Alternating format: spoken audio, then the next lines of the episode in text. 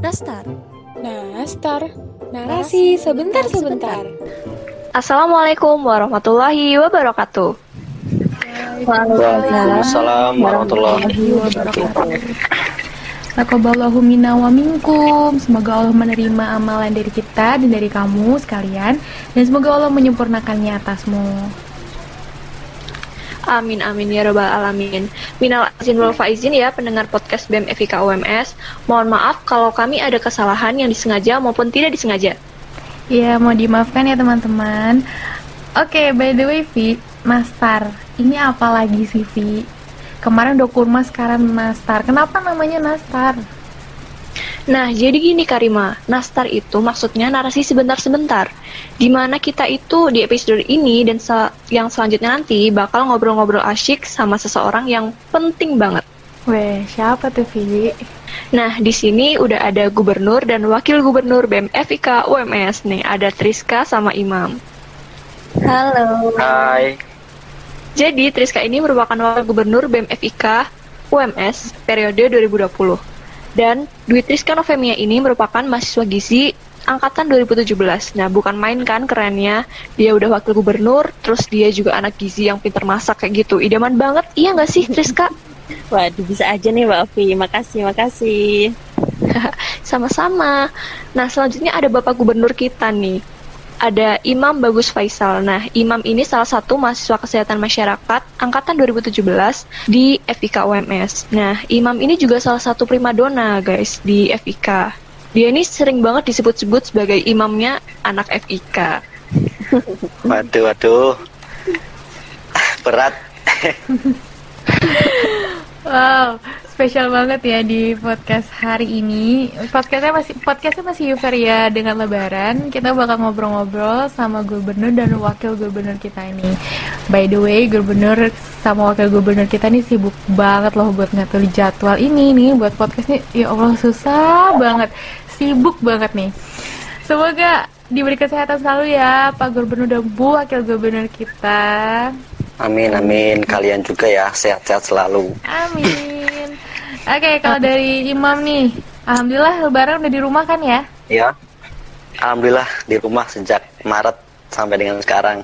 Ya, alhamdulillah udah di rumah aja nih. Alhamdulillah.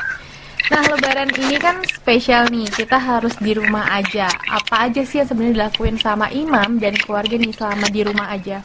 Eh, yang dilakuin sih lebih intensitasnya bantu orang tua terus ya seperti biasa rutinitas kuliah kan apalagi sekarang dari univ itu menerapkan kebijakan kuliah online yaitu benar-benar ibaratnya harus maksimal juga kalau kita nggak ikut ya rugi gitu. Terus selain itu eh, sempet sih awal-awal sebelum Ramadan itu sempet ya sedikit silaturahmi ke teman-teman SMK terus ya terus habis ke sini sini gak bisa silaturahmi karena di Jawa Barat sudah menerapkan PSBB terus rutinitas lainnya ya eh, rapat-rapat kemudian diskusi ikut webinar zoom dan sebagainya kemudian yang sekarang sih baru selesai eh, project ikut project teman-teman itu menulis kayak gitu Oke. itu sih Oh, menarik ya. Produktif di rumah, ada hobi baru itu menulis ya, Imam ya. Ya masih belajar belajar lah Kalau apa. Nah, menarik banget tadi dari Imam. Kalau dari Triska sendiri nih, udah ngapain aja selama lebaran ini nih? Bantuin-bantuin masak buat lebaran kah? Atau bantuin bersih-bersih rumah nih? Biasanya perempuan. Oke, kalau lebarannya ya, iya nih bantu bersih-bersih. Terus bikin kue lebaran, walaupun nggak ada tamu sih. Sedih padahal udah bikin banyak kue kering. Kalau kalian bikin kue kering nggak? Kalau dari aku enggak sih. aku beli, aku beli biasanya. Karena sudah Ya, sama, terlalu lelah. beli beli. Karena nggak bisa masak kue. Maaf, eh ketahuan. Ya, Ovi ketahuan Devi. Udah biasa di dapur, Vi. Jadi banyak juga ya hal yang bisa kita lakuin gitu di rumah. Walaupun lebaran di rumah gitu kan ya. Tapi nih dari imam, ada nggak sih yang biasanya dilakuin pas Ramadan tapi nggak bisa dilakuin gitu sampai lebaran ini tuh nggak bisa dilakuin. Apa tuh? Ada nggak kira-kira? yang belum sempet sih ini ya kalau di kampus kan dulu 10 hari Ramadan itu ya ikut kajian pengajian di masjid gitu itu nggak sempet kalau di sini terus ketemu teman-teman sih teman-teman SMK terutama kan biasanya rutinitas eh, tiap Ramadan itu adain bukber gitu karena SMK ku jauh waktu itu. Dari Majalengka ke Cirebon. Ya lumayan jauh lah. Jadi ibaratnya selalu nggak agendain tiap Ramadan itu ada bukber terus nggak bisa. Karena ada pandemi kan. Ya itu terus seram terus apa lebaran ini yang nggak bisa eh, keliling-keliling rumah aja itu nggak nggak aku lakuin gitu loh. Karena ya bener-bener mengikuti anjuran gitu itu sih Oh iya. Jadi di rumah aja ya? iya di rumah di rumah paling ya ada sedikit lah satu dua orang yang Tuh. Sama sih. hampir Ya sama sih sebenarnya sama kayak Imam. Jadi kayak biasanya pas puasa bisa ngadain bukber gitu kan ya, tapi tidak bisa gitu. Kalau dari Triska sendiri nih, ada nggak yang sebenarnya pengen dilakuin pas Lebaran tapi nggak bisa dan harus ditunda dulu gitu? Kalau dari aku sih kurang lebih sama sih, tapi ada yang khas banget. Aku tiap lebaran pasti silaturahmi ke rumah guru-guru. Misal lebaran hari ketiga ke guru SD, lebaran hari keempat ke guru SMP, lebaran hari kelima ke guru SMA, kayak gitu bareng sama teman-teman. Ternyata tahun ini nggak bisa, Oh Jadi gitu. di rumah aja. Oh iya. Jadi kita tetap di rumah aja ya mengikuti protokol kesehatan gitu. Nah kalau dari Karima sendiri nih gimana nih? Ada nggak yang wajib dilakukan pas Lebaran tapi ternyata nggak bisa gitu? Eh, sama sih kayak teman-teman yang lain itu biasanya ketemuan tapi biasanya kalau aku sama keluarga besar karena biasanya keluarga besar aku tuh ngumpul di rumah aku tapi lebaran ini ya sepi sih karena keluarga besarnya ada yang ngumpul di rumah tapi ya mau gimana lagi kan kita juga harus mengikuti anjuran pemerintah gitu tapi nih ada hal yang udah jadi perbincangan dari teman-teman juga di sosial media ya mengenai pertanyaan-pertanyaan dari keluarga besar nih kayak sekarang semester berapa, kuliah di mana, betah kan sama jurusannya. Dan yang paling ngeri itu pertanyaan yang muncul itu udah punya pacar belum? Sekarang deket sama siapa? itu pertanyaan-pertanyaan bas- basa-basi yang biasanya Iya, diucapin banget. juga nggak sih sama keluarganya Triska? Iya makanya ngeri banget. Mm-mm, bener banget, pasti ada aja yang nanya kayak gitu. Tapi sih ada yang gimana ya? Aku nggak suka dia ngomong tentang ini, tapi aku nggak bisa nolak. Kan pasti banget. Nah, ada yang nanya kayak apa gitu. tuh? Apa? Dia ngomong kayak gini. Loh, kok terus kamu makin gendutan? Kok terus jadi jerawatan? Yang itu ya, itu lebih cantik kalau kalau kalau kurus. Kayak gitu loh. Padahal kan nggak suka tahu cewek digituin.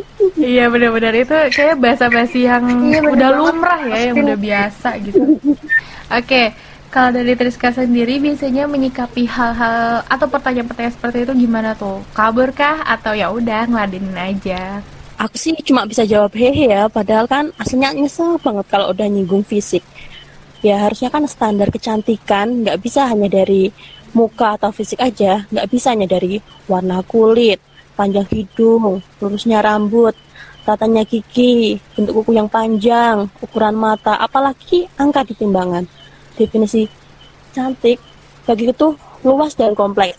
Ketika have a good knowledge, good looking, good speaking, good attitude, dan mampu berdamai dengan diri sendiri.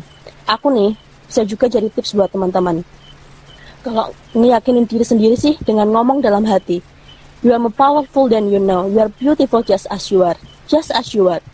Jadi kalau kita bisa berdamai dengan diri sendiri, bersyukur dengan diri sendiri, mencintai diri sendiri, menjadi versi terbaik dari kita sendiri, ba- bawaannya tuh bahagia terus nggak sih? Orang liatnya juga enak, auranya juga dapat gitu loh waktu dilihat orang lain. Gitu nggak sih? Iya bener-bener bener tuh banget. Oh, kita nggak perlu panjang lebar jelasin ngasih pembelaan saat orang nyinggung hal yang jadi kelemahan kita. Kadang kita cuma perlu diem, abis itu ngasih pembuktian kalau ada hal lain yang bisa jadi kelebihan kita. Toh yang tahu diri kita kan ya diri kita sendiri gitu. Ya intinya jangan capek untuk selalu menginspirasi dan spread positive vibe. Selain dari orang yang nyinyir, pasti ada aja kok hal positif yang bisa kita ambil dari kita. Iya nggak sih? Betul, betul betul Iya banget. bener banget nih bunda. Wow, dapat pencerahan ya ini dari Priska nih mengenai basa-basi ya pertanyaan-pertanyaan dari keluarga. Nah, kalau dari Imam nih, suka dapat pertanyaan basa-basi kayak gitu nggak, Imam? banyak sih terutama eh, gini pertanyaannya tuh Eh, kuliah berapa tahun lagi mam terutama paman gitu ya saudara terus temen gitu ya cuma bilang ya ya normalnya satu tahun lagi gitu kan. Eh, kan kita nggak tahu gitu nggak tahu ke depannya skripsinya kayak gimana dan sebagainya. Tapi ya eh, aku jawabnya itu ya normalnya satu tahun lagi doain aja eh, paman atau teman-teman buat skripsinya biar bisa lancar kayak gitu. Terus gitu terus kalau tentang jodoh ya ada sih terutama tetangga gitu ya. Itu di samping di, di samping ibu gitu loh ini imam gitu. Apa kuliahnya berapa tahun lagi gitu katanya. Ya normalnya satu tahun lagi. Terus habis kuliah ngapain? Udah ada jodoh belum? Kata. ya itulah ibaratnya nanyain gitu gitu. Ya ya aku nggak nggak enak ya. Terus ya ibuku malah tapi ibuku malah gini malah malah ngelarang gitu malah ngelarang eh, ibaratnya ke arah pacaran atau sebagainya gitu. Jadi lebih gak usah gak usah dengerin gitu malah gitu. Ya udah jadi tambah bodoh amat Wah, pertanyaan dari tetangga nih memang bikin deg-degan ya. Kalau dari Ovi gimana, Vi? Pasti sering kan ditanya, ih Ovi udah gede sekarang ya, kuliah di mana sekarang?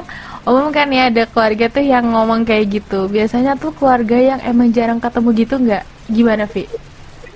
Iya sih, sering banget. Apalagi keluarga yang kayak ketemunya setahun sekali kayak gitu. Ya ampun, Ovi sekarang udah kuliah aja kayak gitu. Belum lagi kayak, wah bentar lagi berarti eh, apa nih namanya? Kayak mama aku mau mantu nih kayak gitu. Tapi biasanya sih ibu aku selalu bilang kayak, enggak lah, masih lama kayak gitu. Ya sama sih pertanyaannya juga kayak udah punya pacar belum? Deket sama siapa? Gitu. Mau nikah kapan? D- tapi aku selalu jawab kayak enggak lah aku kuliah dulu aja kayak gitu. Pusing ditanya kayak begitu ini aja pusing mikir jodohnya siapa. Jodohnya belum ketemu ya, Vi? iya belum ketemu. Tapi ya kangen gak sih sama selain pertanyaan-pertanyaan tadi ya, walaupun ya mungkin agak mengganggu. Tapi ya kangen juga gak sih sama suara takbiran keliling? Kangen banget sumpah. kangen banget sih gila Kangen banget ya. Jujur kangen banget juga sih. Itu tuh jadi satu hal yang identik juga di lebaran biasanya. Dengerin masyarakat sekitar tuh takbir keliling dan biasanya main kembang api setelahnya. Kangen banget sih hal-hal kayak gitu ya. iya kalau di Iya. aku malah iya bener banget nih kak kalian tahu ini nggak kalian tahu kalau di kampung namanya itu kan yang suka bangunin sahur itu obrok-obrok ya kalau di aku namanya. Nah itu. Oh. pokoknya kalau takbiran itu itu. Kalau orang Sunda gitu ngomongnya itu.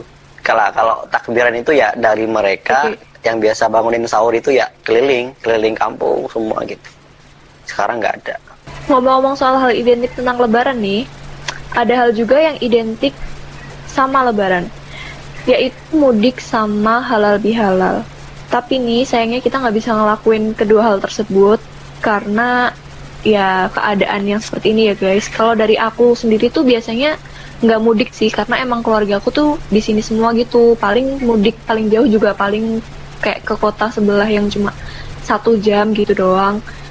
Terus kalau misalnya kumpul juga kayak ya udah di rumah tetangga karena emang saudara sendiri juga di situ gitu.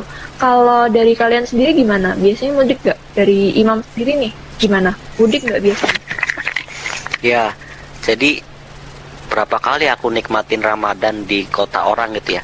Pas SMK tiga tahun, karena lumayan jauh juga. Terus sekarang kuliah udah udah tahun ketiga Ramadan sekarang gitu. Kebetulan eh, ya itulah di rantau terus gitu. Jadi suasana-suasana di luar itu memang aku suka dalam artian pas Ramadan itu di luar di luar kampung ya di rum di tempat rantau gitu. Dan sekarang dari sebelum Ramadan sampai dengan Lebaran itu di rumah terus. Malah aku agak ibaratnya agak dalam tanda kutip menyesali gitu loh. Kok nggak bisa dirantau gitu karena eh, rasanya rasanya mudik itu ya benar-benar terpuaskan ketika mau lebaran terus pulang rasanya itu ya melepas rindu gitu melepas kangen sama orang tua sama teman-teman gitu Beda gitu. jadi aku rasanya. lebih iya pokoknya pokoknya ya aku agak agak sedikit kecewa mungkin ya dalam artian seperti itu sih karena terbiasa Oh, di gitu. luar gitu Jadi yang biasanya mudik Gitu. gitu ya, mudik dari perantauan, terus sekarang jadi nggak bisa gitu ya, jadi kurang deket aja gitu lebarannya. Lebaran vibes-nya Iya. jadi tidak terasa gitu ya. ya betul, Nah betul. kalau dari Triska sendiri ini gimana? Kalau aku sih tentang Mudik juga nggak kalau dari? Oh, kalau aku sih nggak mudik sih, soalnya keluarga dulunya asli Jepara semua. Makanya aku tuh pengen kayak punya suami yang dari luar kota biar tahu gitu loh rasanya mudik kayak gimana. Aneh nggak sih keisanku? Nggak, nggak apa-apa, aku juga pengen gitu soalnya. Iya sama kok aku kayak Triska juga. Aku tuh eh, apa namanya keluarga tuh kebanyakan di sini semua. Jadi nggak merasakan suasana buat mudik sayangnya gitu. Em, karena kita lagi ada di situasi yang kurang baik nih, kalau dari Imam ada tips dan matriks nggak buat lebaran di tengah pandemi kayak gini biar selalu sehat gitu? Hmm, tips dan trik yang pertama sehat dalam artian kan sehat luas ya nggak hanya fisik doang. Terutama mental sih kalau menurutku. Dengan kita tetap tenang tetap bahagia tetap apa ya pikiran kita nggak terganggu itu pasti suasana hati dan aktivitas kita juga ikut sehat gitu. Dengan tambah aktivitas mungkin ya sedengar sapu-sapu nyapu nyapu halaman segala macam itu udah ibaratnya 30 menit aja udah cukup kan nah yang lebih ditekankan itu menurutku adalah kesehatan mental.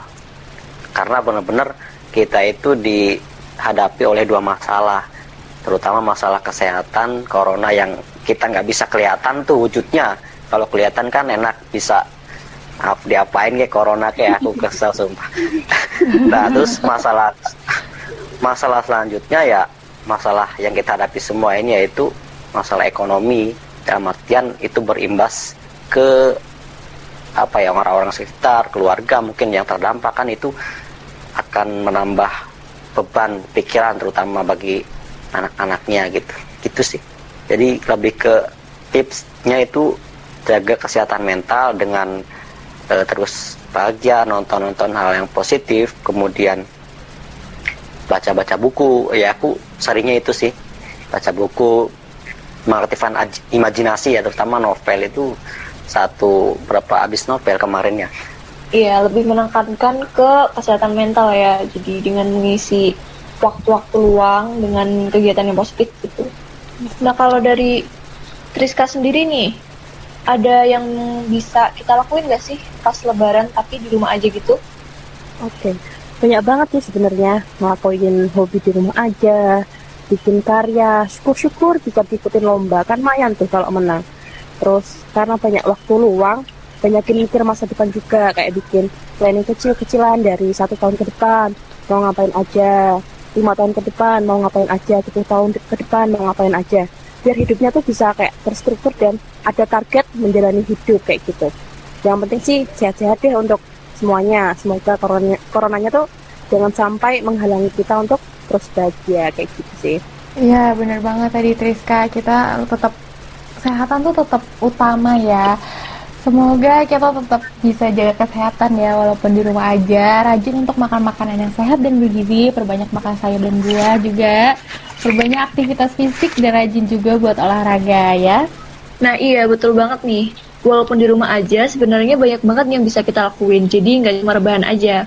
Oke, sekian untuk podcast Lebaran pada hari ini. Setiap manusia terlahir suci tak berdosa. Perjalanan hiduplah yang membuatnya pernah melakukan dosa meski sekecil debu. Untuk itu, di hari yang fitri ini, kami ingin mohon maaf setulus hati, supaya dosa terampuni. Selamat Hari Raya Idul Fitri 1441 Hijriah. Jika pisau menggoreskan luka di tangan, maka lisan lebih bisa menancapkan luka di hati. Sulit untuk diobati. Karena itu, mohon maaf lahir batin atas lidah yang tak bertulang. Selamat Hari Raya Idul Fitri 1441 Hijriah. Selamat Idul Fitri teman-teman, semoga sehat selalu dan dilancarkan segala urusannya. Mohon maaf lahir dan batin teman-teman. Kami mengucapkan terima kasih untuk pendengar setiap podcast BEM FIK UMS. Sekali lagi, kami memohon maaf jika ada perbuatan atau perkataan yang kurang berkenan di hati teman-teman. Wassalamualaikum warahmatullahi wabarakatuh. Waalaikumsalam. Waalaikumsalam warahmatullahi wabarakatuh. Kami dari BEM FIK UMS 2020 mengucapkan Selamat Hari Raya Idul Fitri 1441 Hijriah. Taqabballahu minna wa minkum. Semoga di hari Idul Fitri ini kita bisa mampu memetik berkah di bulan Ramadan yang telah kita lalui. Dan apabila dari kami terdapat salah-salah kata, salah-salah perbuatan, kami mengucapkan mohon maaf lahir dan batin.